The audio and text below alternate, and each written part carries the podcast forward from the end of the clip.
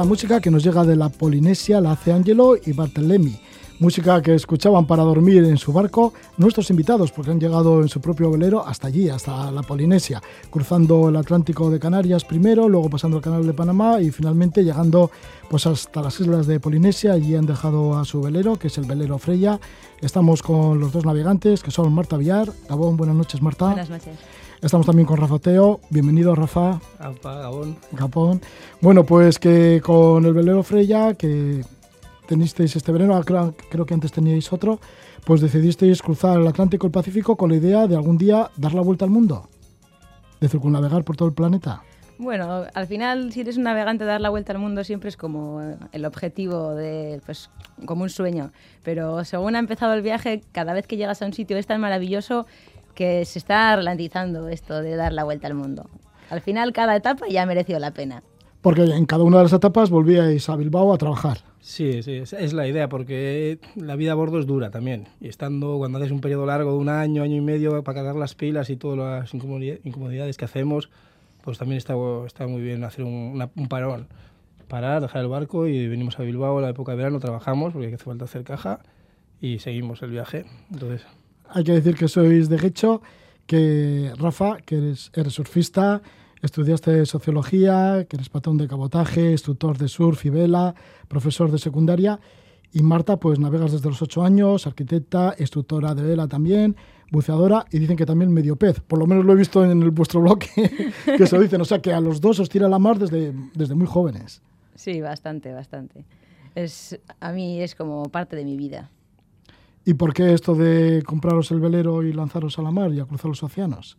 Hombre, siempre he viajado un montón, escuchando tu programa desde pequeño y, siempre me ha encantado ir por ahí. Y al final vi que, que, la forma de llegar lejos y a sitios donde no llega nadie es por, en barco, es donde te deja. Encima no, no hay que gastar gasoil ni hay que gastar nada, solo vas con el viento y te llevas todos los juguetes encima. Cada vez que llegas a un sitio estás con tus tablas, con la cocina, con tu guitarra, con los libros sabes con la casa cuestas y encima te lleva el viento, o sea, no hay mejor forma de ir. Yo creo que ahora mismo eh, es un fallo del sistema, como digo, conseguir llegar a los sitios, echar el ancla y poder quedarnos allí tiempo y tiempo y luego levantamos el ancla y cambiamos de sitio y continuamos.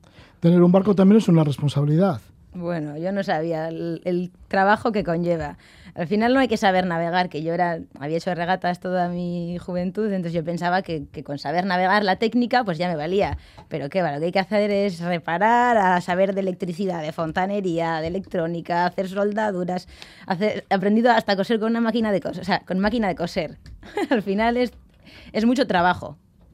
Luego además en la mar, cruzando el océano durante varios días, pues hay que estar también ahí a punto y a tope, ¿no? Con las guardias y que no se rompa nada y así todo se rompe, ¿no? Sí, sí, es, duro, la verdad. Por eso también queríamos hacerlo antes de que pues hay que tener fuerza, porque esta vida también son, no sabes cuándo vas a volver a dormir bien, porque empieza cuando empieza la acción no hay más que aguantarlo hasta que, hasta que se acaba y luego ya descansa. Entonces sí, se va haciendo, se hace duro.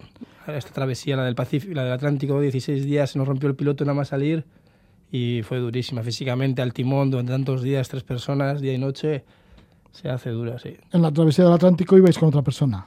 Sí, sí, teníamos sospechas de que el piloto automático podía fallar y entonces eh, vino Diego, un amigo con nosotros, y gracias a Dios estuvo ahí haciendo su tercera parte de las horas al timón porque si no igual hubiéramos dejado el viaje desde el principio. ¿Cómo os hicisteis con el barco? ¿Con el Freya? Freya. ¿O Freya? Ah, Freya, Freya. una diosa noruega, se llamaba así. Pues nada, eh, primero salí de Bilbao con otro barco y llegamos a Canarias. En Canarias vi que el barco era más grande, pero no estaba preparado, no estaba, técnicamente no estaba tan bien. Entonces eh, paré en La Graciosa y tres años allí esperando a venderlo, mientras tanto navegando por las islas. y justo habíamos estado ya, teníamos la venta casi hecha y habíamos estado hablando de cuatro meses de espera para buscar otro barco todo el verano sin prisa, no hay prisa para comprar un barco, teníamos la lista, todo lo que queríamos, ya todo preparado y el domingo vendimos y cogió Marta, se dice, bueno, me voy a visitar a mis tíos en Lanzarote y le llamo el lunes, oye Marta, ya he comprado un barco.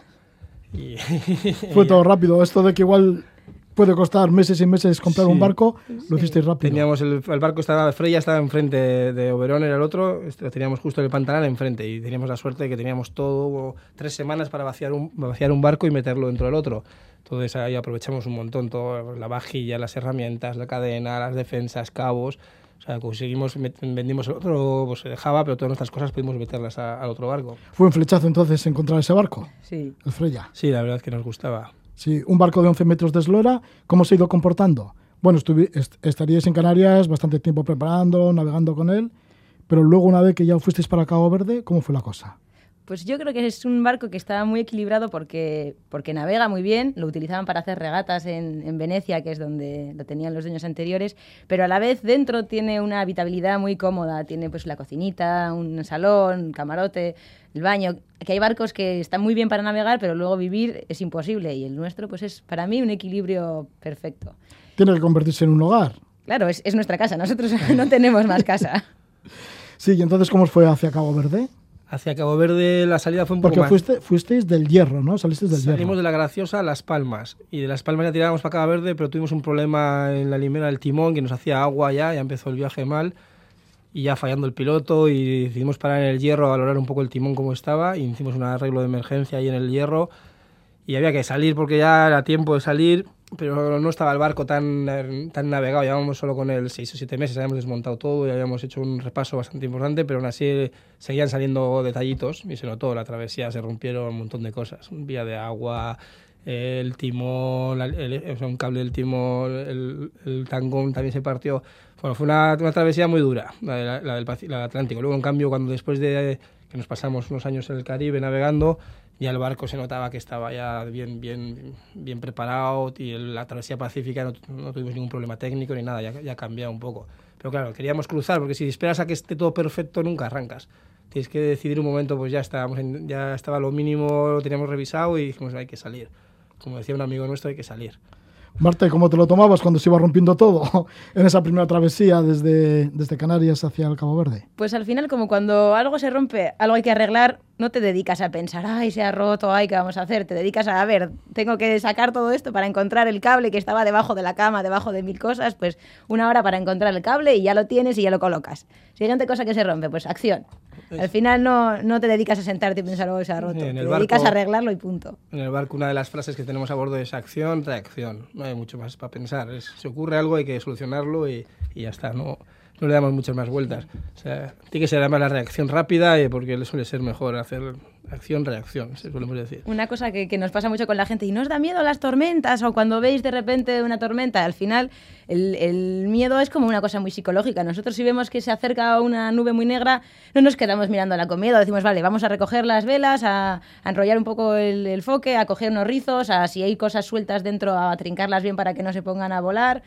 Como que hay acción que hacer, entonces no te dedicas a pensar en miedo. Sí, además, te preparas y entonces no, no te asusta. Suele preguntar a la gente sobre qué momentos duros tienes, pues son casi todos son antes de zarpar, porque cuando empieza lo que decimos el problema suelen ser menores que, que la realidad, o sea, que el cerebro te hace pensar.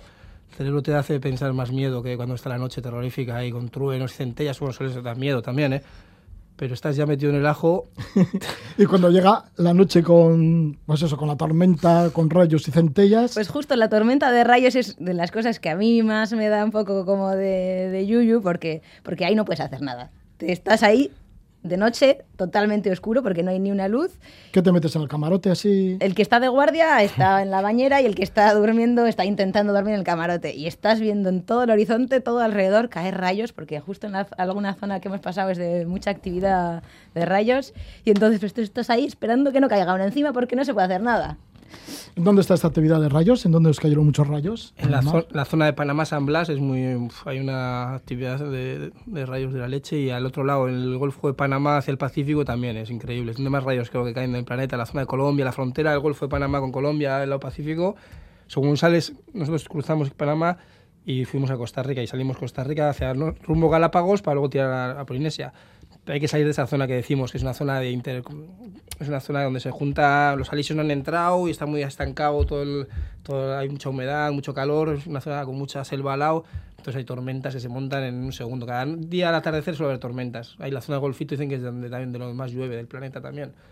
Luego cuando pasa esa tormenta mm, ya todo llega a la calma ¿Recordáis cómo ha sido? Que al final igual es un es bello, ¿no? Toda esa fuerza de la naturaleza. Sí, claro, claro. Yo ahora desde aquí me estoy, estoy imaginando la situación y parece precioso verla y los rayos y eso, pero, pero en el momento da un poquito de, de, cosa.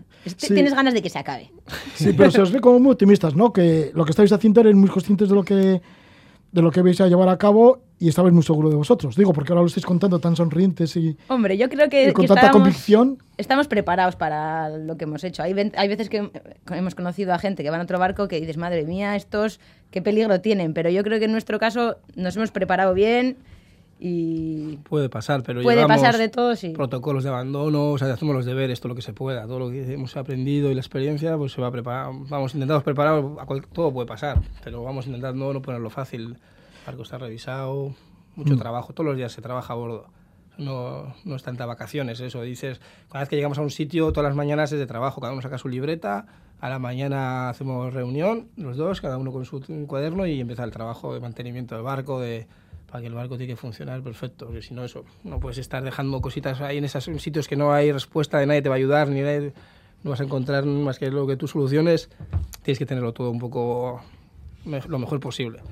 ¿Cuál es el espíritu que lleváis? Porque una vez que estabais preparando el barco, bueno, en el blog he leído pues eso que eh, tenéis intención de izar las, izar las velas en Canarias y dejaros llevar a donde os lleve el viento. O sea, sin planes. Sí, en realidad todo ha sido, al final no tomamos decisiones eh, por capricho, es pues ahora es una temporada de huracanes en una zona, pues vamos más al sur. Ahora nos han dicho unos amigos que van a ir a otra isla y que está fenomenal, pues nosotros también vamos. Y, dejarnos llevar con el viento, porque al final te acompañe, intentar no navegar contra el viento, evitar las tormentas. No puedes pensar muchos más destinos que los que tienes enfrente, porque todo va cambiando, porque tú haces una ruta pensando que vas a ir, no sé, a, a unas islas Astuamotu que tienes delante y luego dices, no, luego me voy a Tonga, pero en Astuamotu ves que es mejor irse hacia la Societe. O, es que solo pensamos en el siguiente destino, porque no puedes, siempre que planeamos dos destinos por delante, se tuerce, nunca hacemos el que hemos, lo que habíamos pensado. Entonces es casi centrarte en el siguiente, ¿a dónde vamos a ir ahora? Lo mismo, al cruzar Panamá vamos para Ecuador, Ecuador, todo preparado para Ecuador, papeles de Ecuador, todo cubierto a Ecuador, venga, ¿a dónde vamos? A Costa Rica. Taca, cambio de destino, de, según zarpamos. Entonces depende también el viento, vemos que la meteo está mal para un lado, mal, mal, mal, pues que mira, pues vamos a ir para aquí que está bien la meteo. También queríais navegar junto a los delfines y sentir que somos uno más, pues con el océano. ¿Y eso realmente lo habéis sentido? Bueno, pues eh, eso que yo había visto pues, en fotos y eso, la gente que nada con delfines pues en el Caribe o lo que sea, pues con una actividad que te lleva al hotel y qué guay, pero nosotros teníamos a los delfines salvajes nadando alrededor del barco y entonces pues dije, venga, vamos a bañarnos también, a, a, verles desde debajo del agua. Y da un miedo porque les oyes, les ves, son gigantes y no, no estás con el guía del hotel que... No, no, estás ahí en medio de la nada, muy emocionante, pero, pero eso también da un poquito de miedo.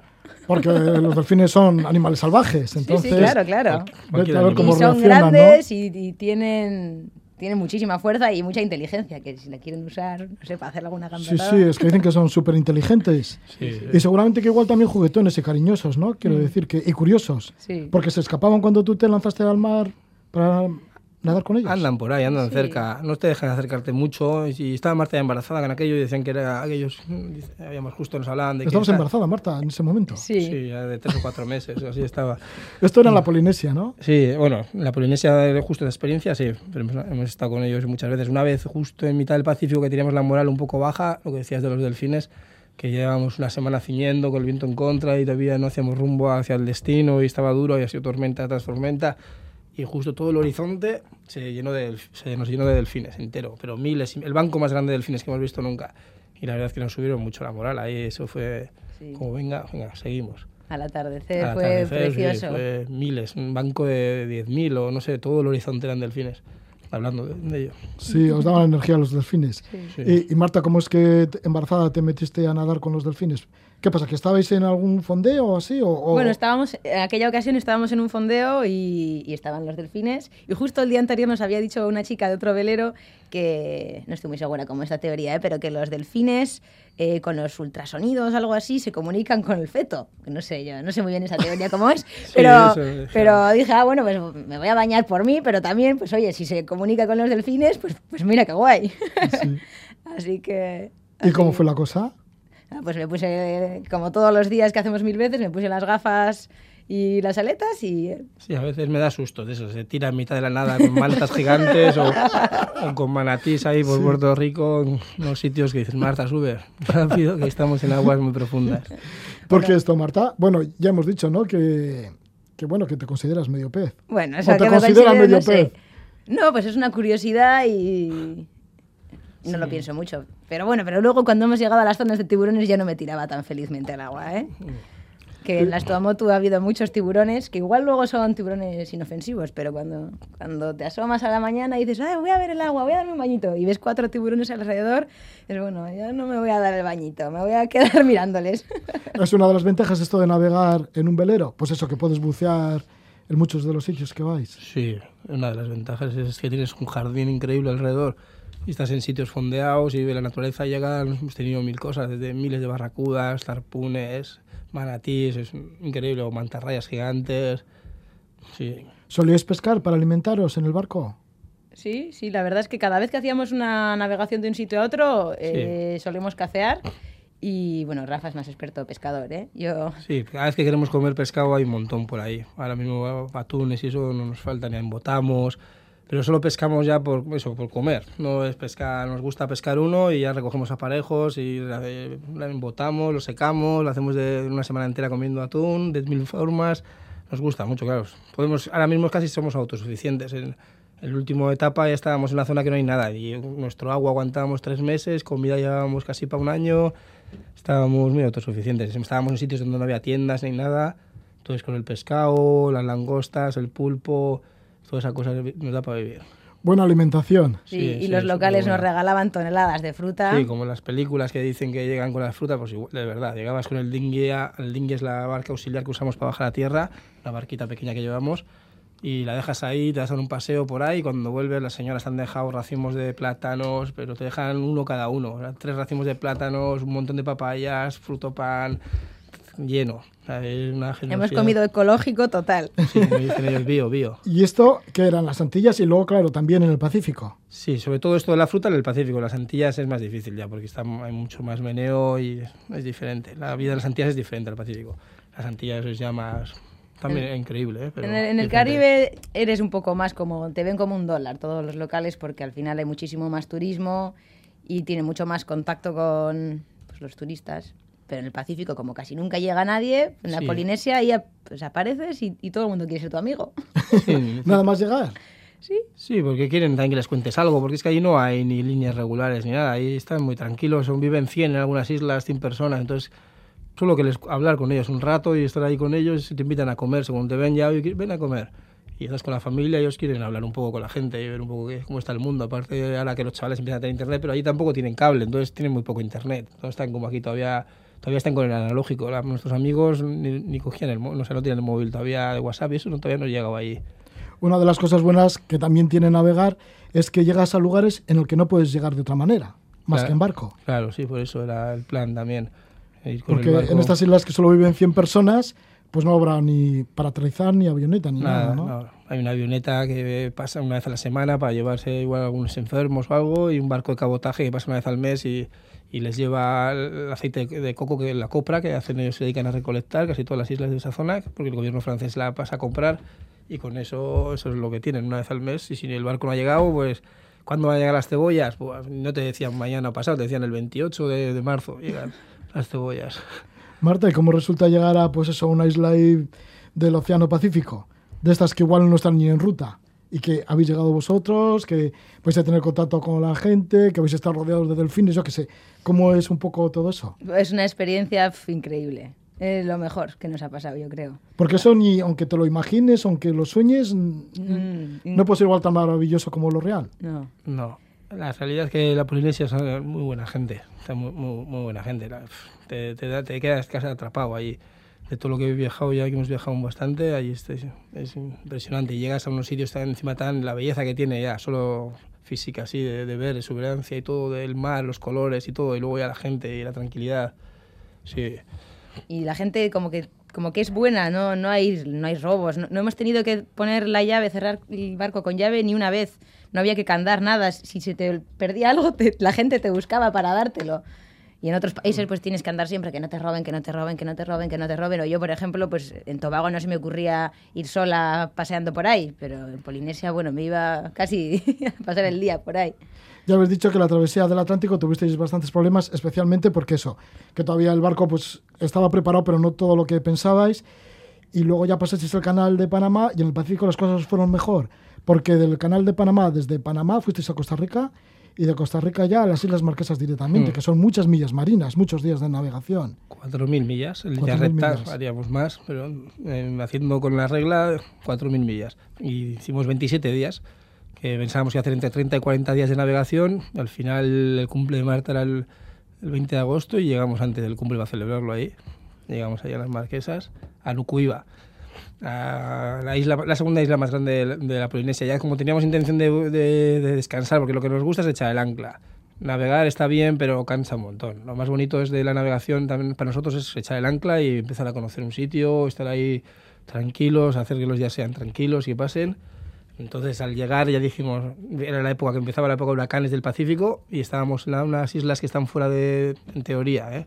porque el mundo está un poco cambiando, entonces ya seguro, seguro no estás, pero en teoría no hay una incidencia de huracanes, entonces habíamos planeado que vamos a pasar ahí seis meses en las Marquesas. Entonces fue echar el ancla y ya no moverlo en, bueno, hicimos inmigración, aduanas, lo que hay que hacer en todos los países y ya nos el primer día hicimos eso, al día siguiente ya nos fuimos a la bahía que buscábamos y ya echamos el ancla, que era una bahía que, que esa sí que es de los sueños, ahí nos quedamos dos meses sin mover el ancla ya.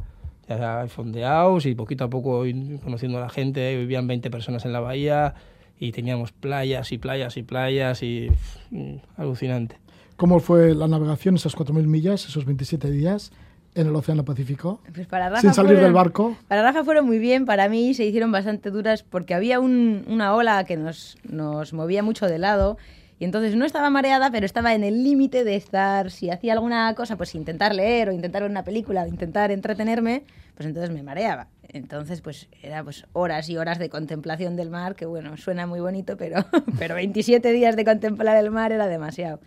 Así que para mí fue dura y fue larga y cuando llegamos me alegra muchísimo. Y me hizo la pena, ¿eh? Pero ahora si pudiera volver a hacerlo, le diría a Rafa que yo voy en avión y que se busque un amigo y quedamos en Polinesia. Sí, verdad, es extraño porque seguro que has navegado tanto, Marta. Tienes que estar tan curtida. Ya veremos. Ya me Pero por, mucho, por muy cortida que estés en la mar, a veces te mareas. Sí. Sí. Sí, mucha gente, ¿eh? Todos, de los amigos que llegaron a Polinesia, muchos lo pasaron mal en la travesía pacífica. ¿En tu caso, Rafa? No, yo disfruté bastante. Se hace dentro de lo duro que es y toda la tensión y la responsabilidad de que todo vaya funcionando y todo, pero no hubo ningún problema técnico, como te he dicho, y disfruté un montón. Disfruté podía haber seguido. Yo veía que era capaz de meter comida y tirar a Bilbao. O sea que está, mm. estábamos seguros de que tranquilo, que si hace falta vamos para casa derechos y ya está. Tiene que ser muy bonito también la experiencia que habéis tenido con los locales allí en las Islas Marquesas. Sí, sí. No. Sí, porque además habéis conocido bastantes islas, habéis estado tiempo allí y bueno, mm, quizás eso lo contemos en otra ocasión, si os viene bien. Bueno, y además lo bonito de todo ello, que además estuviste embarazada, te quedaste embarazada. Pues que fue llegar a Polinesia y decir, es que este es el sitio perfecto para, para criar a un niño. Y entonces, pues, pues hicimos un niño, pero bueno, pero lo hemos tenido aquí. Volvisteis aquí, habéis dejado el barco allí. Hemos dejado el barco allí, al final eh, el sistema sanitario es el francés y está bien, pero claro, no hay ningún sitio como estar en casa con la familia, el hospital de cruces, mm. así que hemos venido aquí a, a tener al niño pero el niño viene al barco, ¿eh? sí, viene al barco y, volveréis al barco y os veis ya tres. eso es. El plan es volver. Tiene un montón de padrinos ahí esperándole. Sí, cuando estaba embarazada todos los locales querían ser padrinos, me traían todavía más fruta, bueno, me acariciaban la panza. sí, y además creo que ibais de isla en isla buscando al ginecólogo. Sí, sí, porque como, claro, son islas pequeñísimas y, y el ginecólogo de Tahití lo que hace es, eh, una vez al mes, visita cada isla o cada grupito de islas y entonces a mí me daban como un calendario y me decían, bueno, pues eh, en febrero aquí, en marzo aquí, eh, y entonces teníamos que ir nuestra ruta, pues como me decías antes a ver qué ruta habíamos, pues en este caso no era con los amigos, era donde el ginecólogo, pues ahí íbamos. No era donde te lleva el viento, sino donde está el ginecólogo. Eso. Sí, hacer la revisión. Sí. Pero bueno, más o menos nos iba coincidiendo en la ruta. Nada, súper bien. Bueno, pues una historia de esas increíbles. Gracias por venir aquí, por estar con nosotros, Rafa que decías que desde pequeño escuchas el programa de Levando Anclas. Sí, desde, desde que empezaba, yo creo también. Ahí siempre iba al colegio y ya estaba escuchando. Pues fíjate, si un chaval ahora que viene al colegio y escucha Levando Anclas y os escucha a vosotros, lo que puede soñar, digo, Sí. ¿eh? Para eso, para eso venimos, para, ver si, para que se animen.